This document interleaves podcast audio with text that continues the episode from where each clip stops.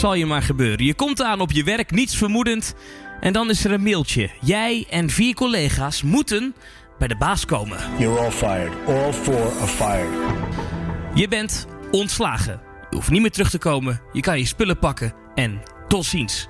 Iets wat de komende tijd vaker voor zal komen. Het aantal ontslagen door reorganisaties blijft oplopen. Vakbonden krijgen van steeds meer bedrijven te horen dat ze gaan reorganiseren, waardoor duizenden banen verdwijnen. Blijkt uit een rondgang van BNR. Ai, ja, en dat heeft natuurlijk allemaal te maken met corona. Maar wat dan? Je krijgt te horen dat je eruit vliegt bij een reorganisatie. Wat is het eerste wat je moet doen en wat moet je vooral niet doen? Tijd om dat eens uit te zoeken. Mijn naam is Thomas van Groningen en dit is Helder.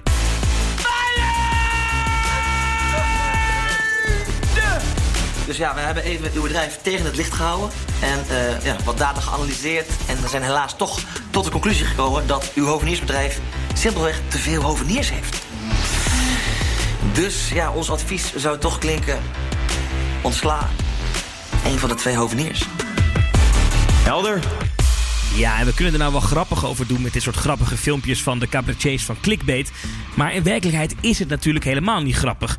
Als je ontslagen wordt, dan is dat een van de meest ingrijpende gebeurtenissen van je leven. Je passie, je werk, althans, ik ga er even vanuit dat dat het bij jou is, moet je neerleggen omdat je vanwege corona en een bezuiniging eruit moet. Zorg ervoor dat als dat gebeurt, dat je mensen om je heen hebt die weten wat er kan gebeuren en wat jij moet doen. Zo iemand is bijvoorbeeld Pascal Besselink. Hij is senior jurist arbeidsrecht en pensioenrecht bij juridisch dienstverlener DAS. En ik vroeg hem, kan je je nu al voorbereiden? Er is nog geen ontslagronde, er gaan wat geruchten. Kan je nu al iets doen om het voor te zijn bijvoorbeeld? In, zijn algemeenheid is dat lastig, omdat je natuurlijk uh, dan niet weet of die reorganisatie gevolgen heeft voor uh, jouw afdeling, jouw functie. En, en als het al gevolgen heeft voor jouw functie, ja, dan is ook even de vraag van ja, hoeveel mensen willen ze dan in jouw functie ontslaan? Wat, wat denk ik wel goed is, is om te bedenken, is uh, dat er een, altijd een bepaalde ontslagvolgorde geldt. Dus op het moment dat er meer mensen werkzaam zijn in dezelfde functie als die jij verricht, ja, dan, dan is het zo dat uh, die functie die wordt dan opgedeeld in leeftijdscategorieën. En binnen de, iedere leeftijdscategorie komt dan degene met het kortste dienstverband als eerste voor ontslag in aanmerking. Dus ja, daar zou je wel alvast onderzoek naar kunnen doen. Maar ja, meer dan dat, uh, uiteraard uh, altijd advies. Je kunt je alvast juridisch laten adviseren over de algemene uitgangspunten. Maar meer dan dat kun je in dat stadium nog niet doen. Maar goed, dan word je wel uitgenodigd voor een gesprek. Dan voelde je misschien de bui al hangen. Uh, dan kom je daar aan en dan vertellen ze je inderdaad... Uh, goh, er is een ontslagronde, we moeten bezuinigen als organisatie. Uh, en helaas, jouw contract, laten we er even van uitgaan... De, fictieve persoon waar we het nu over hebben heeft een vast contract. Gaan we openbreken, je wordt ontslagen. Wat is dan het eerste wat je moet doen? Advies is altijd van be beluister gewoon even goed wat degene die tegenover jou zit uh, jou te vertellen heeft. Uh, luister daar goed naar. Uh, ga op dat moment nergens, uiteraard nergens mee akkoord. zou er al een stuk aan jou worden overhandigd, geef aan van ja, ik neem dat mee naar huis. Ik wil dat rustig bekijken. En ik kom dan wel met een reactie. Dus met andere woorden, uh, tijdens dat gesprek is het gewoon even goed luisteren ja, wat jouw werkgever jou te vertellen heeft. Want uh, zo'n ontslag kan natuurlijk op verschillende manieren. Heel vaak gebeurt dat via het sluiten van een overeenkomst.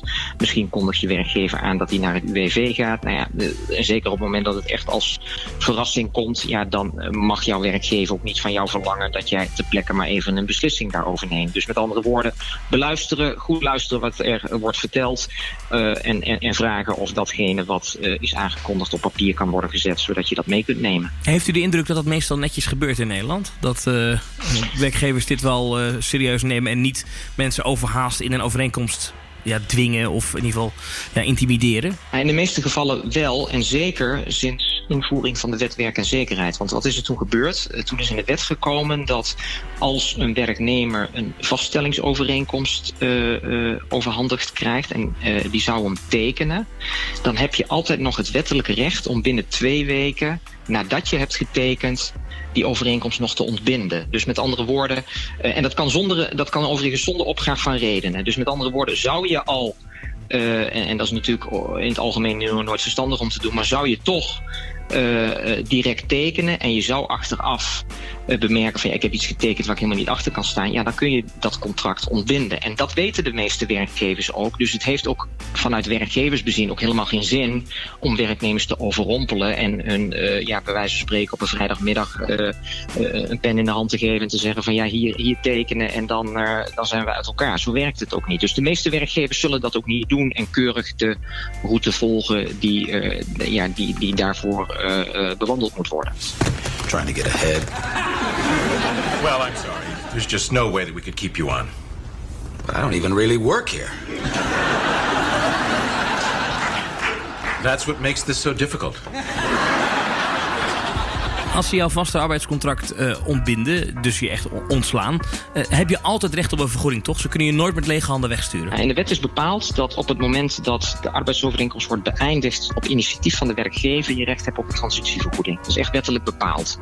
Uh, dat geldt op het moment dat er een ontslag plaatsvindt via het UWV of een tijdelijk contract wordt, niet wordt verlengd, dus door de werkgever wordt beëindigd. Ehm, een andere manier om uit elkaar te gaan is door middel van het sluiten van een overeenkomst. In een overeenkomst mag je in principe afspreken wat je wilt. Je mag afspreken dat uh, je uh, de transitievergoeding overeenkomt. Je mag afspreken dat je meer krijgt. Je mag afspreken dat je minder krijgt. Je mag ook afspreken dat je niks krijgt. Nou goed, de werknemers zullen dat natuurlijk niet zo snel doen. Maar in een contract mag je afspreken wat je wilt. Uh, maar, maar, in het algemeen is het zo, en bijna altijd is het zo, dat in zo'n overeenkomst uh, vaak minimaal wel die, transitievergoeding ook wordt opgenomen. Want ja, waarom zou je uiteindelijk als werknemer tekenen uh, voor minder dan waar je recht op zou hebben op het moment dat de route via het UWV zou worden behandeld. Dus, uh, dus in die zin is ook die transitievergoeding als, als basis altijd het uitgangspunt ook wel in dit soort overeenkomsten. En hoe weet je hoe hoog die transitievergoeding voor jou is? Uh, die, die vergoeding die, is, die komt neer, grof gezegd, op een derde maandsalaris per gewerkt dienstjaar. En die wordt echt per dag berekend. Dus je kunt uh, ja, pro rato gewoon berekenen vanaf het moment dat je in dienst bent getreden tot de einddatum.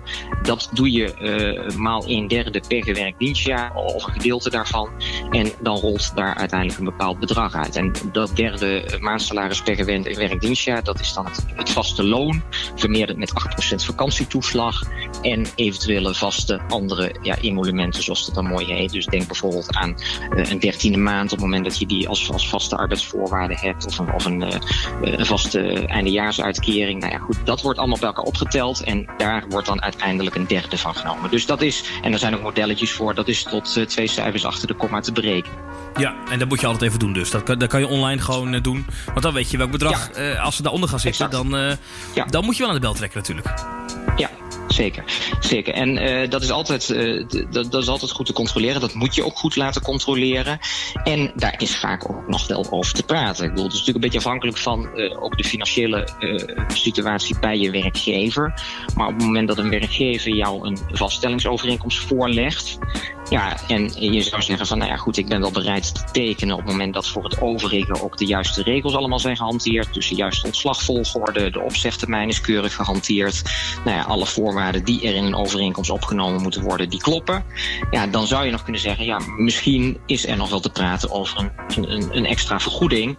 Uh, want dat bespaart de werkgever uh, misschien voor hem uh, lastige, wat langere procedure. en het geeft hem ook zekerheid. En ja, het geeft jou misschien een extraatje. Dus vaak is het wel mogelijk om nog te praten over een, uh, een, een, aanvullende vergoeding bovenop de transitievergoeding. Het is niet standaard, het is echt afhankelijk ook van, van iedere individuele situatie en uiteraard ook de middelen die de werkgever heeft. Dat, ja. uh, dat is natuurlijk ook altijd van belang. I was wondering what you would say to President Obama. You're fired.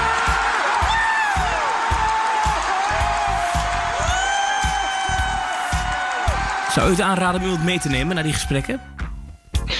Nou, het is nooit onverstandig. Aan de andere kant, uh, het is ook niet per se noodzakelijk, omdat ja, een werknemer er gewoon recht op heeft om datgene wat uiteindelijk wordt voorgesteld, om dat op papier te krijgen. En op het moment dat je het op papier hebt gekregen, ja, dat is dan ook het moment dat je uh, je daarover goed juridisch kunt laten adviseren. Dus heb je een overeenkomst, die heb je meegekregen, nou, dan heb je, uh, normaal gesproken krijg je dan gewoon een redelijke termijn om daarover na te denken, om je daarover te laten adviseren.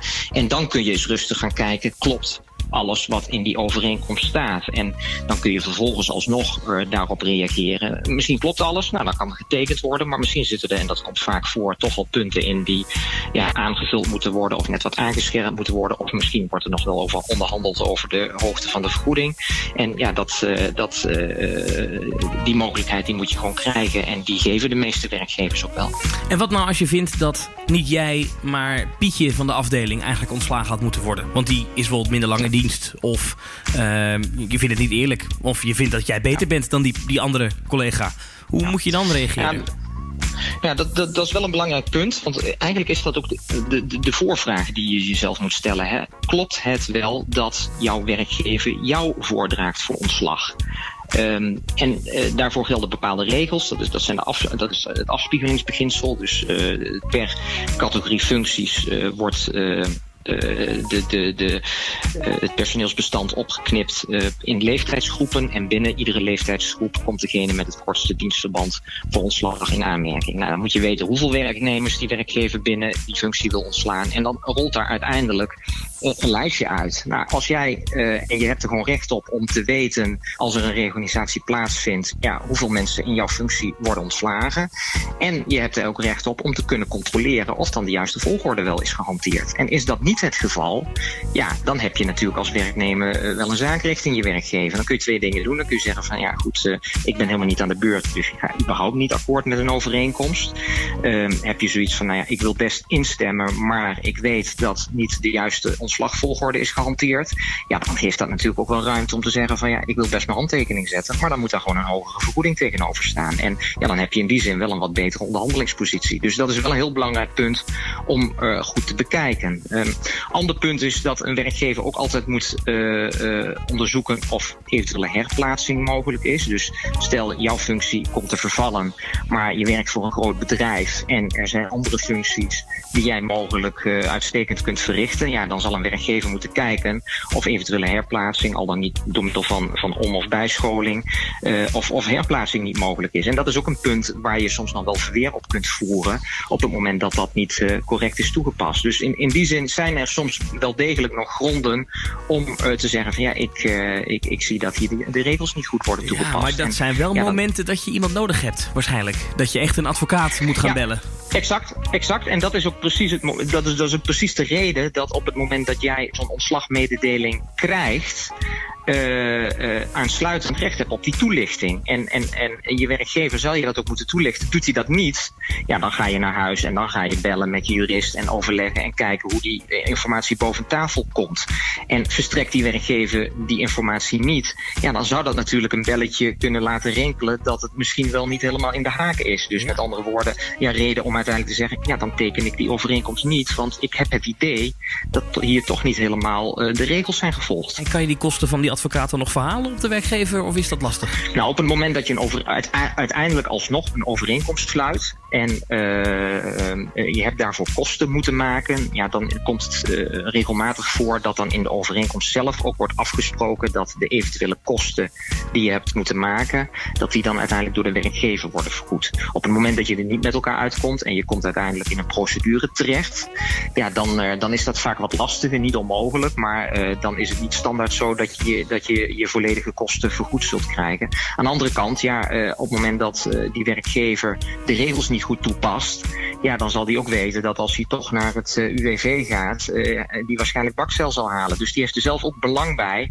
om toch te proberen met die werknemer tot een oplossing te komen. En dan in de tussentijd, dat het nog loopt en je contract officieel nog loopt, gewoon door blijven werken. Ja, dat is, dat is altijd wel het advies. Dat, dat maakt je positie natuurlijk ook sterker.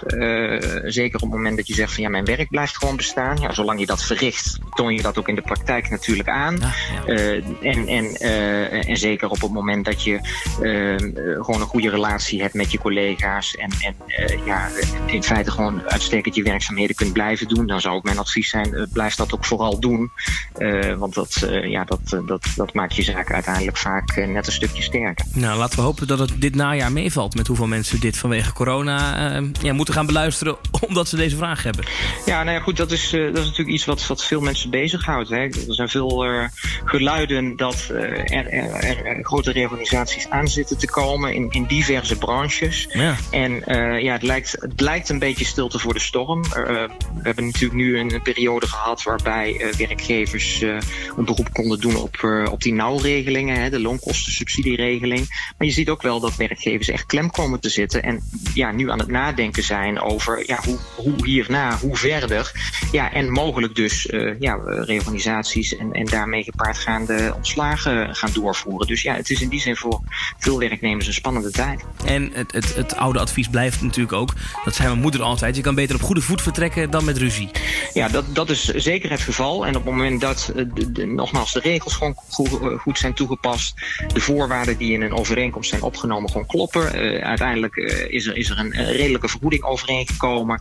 En je, je hebt ook mooie afspraken kunnen maken over bijvoorbeeld de inhoud van je getuigschrift en keurige referenties. Ja, dan is dat natuurlijk altijd uh, te prevaleren boven met ruzie uit elkaar gaan. Ja, wellicht heb je elkaar in de toekomst nog nodig of kom je elkaar in de toekomst nog tegen. Zeker als je in een branche werkt ja, waar het wereldje klein is. Dus in die zin uh, is het dan altijd beter om uh, op een goede manier uh, te vertrekken dan met ruzie. En zo is het maar net. Mocht je deze podcast luisteren omdat je daadwerkelijk net bent ontslagen, dan wens ik je heel veel sterkte. En ik weet zeker, je komt er waarschijnlijk echt wel bovenop.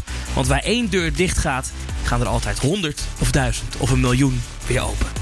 En natuurlijk ook nog even een speciaal woord van dank aan Pascal Besselink, senior jurist arbeidsrecht en pensioenrecht bij juridisch dienstverlener DAS, voor zijn kennis en inzicht. Helder. Ja, dat was hem dan. Mijn eerste keer op de winkelpassen van Kees Dorrestein. Het was even wennen, maar toch volgens mij best een informatieve podcast waar je iets aan hebt. Ja, deel hem vooral. Als je mensen kent die dit verhaal goed kunnen gebruiken, stuur dat linkje door. Laat ze abonneren op deze podcast. Want iedere week leggen we iets helder en makkelijk uit. Alleen in de zomer duurt het even twee weken. Dus over twee weken ben ik er weer. En dan ergens daarna is Kees Dorrestein weer terug. Dank voor het luisteren en tot de volgende keer.